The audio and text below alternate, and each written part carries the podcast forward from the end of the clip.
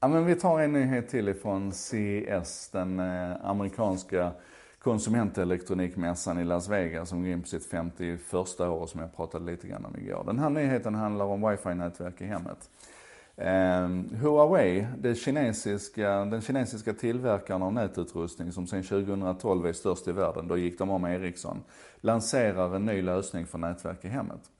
Och den här lösningen bygger på egentligen gammal och beprövad teknik men man kombinerar det på ett nytt sätt. Det ena det är att de här enheterna kan kommunicera via powerline, alltså att man istället för nätverkssladdar ut till enheterna kommunicerar via elnätet.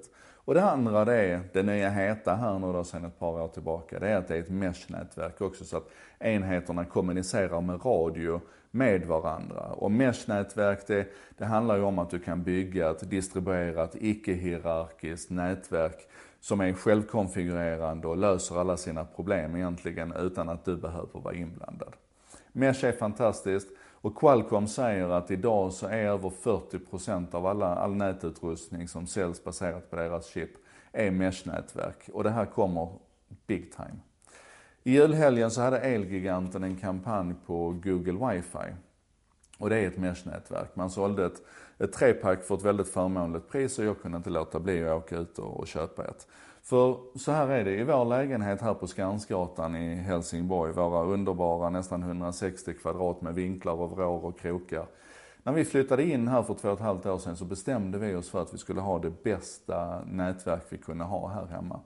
Så naturligtvis har vi ju fiber in med full fart, men sen handlar det ju om wifi i, i lägenheten. Och då investerar vi lite grann i Uni, Ubiquitys Unify, alltså det är stora puckar som man sätter upp i taket och så drar man fram ethernet-sladdar till varje puck och bygger liksom ett riktigt nätverk kan man säga. Man bygger verkligen det här nätverket. Och I skrubben sen då så hade jag routrar och gateways och, och sladdar och jag hade en kontrollpanel i min dator där jag hade säkert 25 000 inställningar jag kunde göra. Och nörden i mig älskade. Och visst fungerade det. Men det var en hel del meck och det kändes jäkligt omodernt. Så då var det dags att testa mesh-nätverk. Så som sagt, jag åkte ut på Elgiganten, Handlade ett par sådana här trepack för det var ett bra pris. Åkte hem och kickade igång det här nätverket och det tog väl 3, 4, 5 minuter kanske och få sätta upp det. Följde instruktionerna i telefonen, klick, klick, klick. En, en riktig idiot kan göra det. Um, och sen hade jag det bästa nätverket jag någonsin har haft. Jag gjort, testade att göra om tricket nere hos en, en granne här som också hade problem med sitt nät. Eh, tre minuter tog det där, där räckte det med två stycken sådana här wifi accesspunkter och så var deras mesh-nätverk färdigt, utbyggt och fungerande.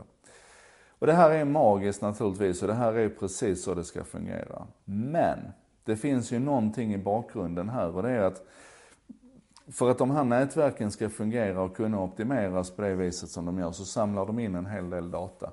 Det är naturligtvis inte så att de ligger och tittar på vilka webbsajter du besöker eller läser dina mail. Men de analyserar trafikmönster i ditt nätverk, de försöker göra det här begripligt. De, I Googles fall till exempel så hämtar man hem jättemycket data och, och kör algoritmer på sina egna servrar. Och sen pushar man tillbaka konfigurationer och, och, och liksom gör nätverket så optimerat och så bra det bara kan bli. I Googles fall så kan man, man kan ställa in det här, man kan, för det första kan man läsa på exakt vad det är för data de hämtar in och hur de använder den och varför och så. Men jag kan också i min lilla kontrollpanel i telefonen stänga av och säga att just den här datamängden får ni inte lov att hämta hem och använda utan den, den vill jag ha för mig själv. Och det betyder också att du får begränsad funktionalitet eller begränsad optimering i, i andra änden då.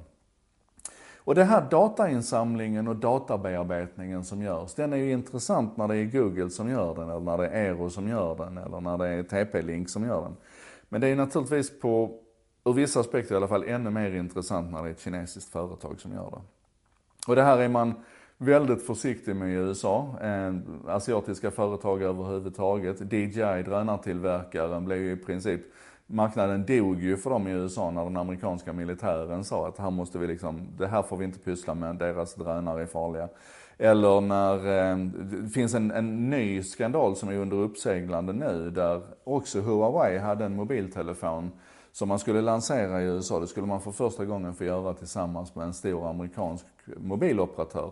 Och bara några dagar här innan CES så, så visade det sig att det blir inte på det viset. Och då misstänker man igen att, det är att man är orolig för att släppa in kinesiska företag så djupt in i sin egen infrastruktur och sådär. Och det, det är mycket runt det.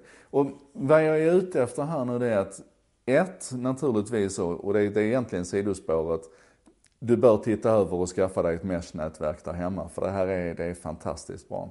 Men det vi då egentligen så behöver starta hjärnan runt, det är vilka, vilka data tillåter vi att släppa iväg?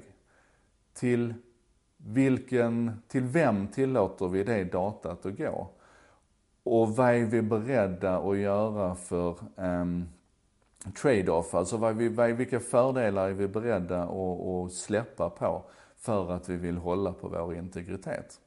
Det här är ständiga funderingar och jag tycker att de aktualiseras verkligen av det som händer i våra egna hem.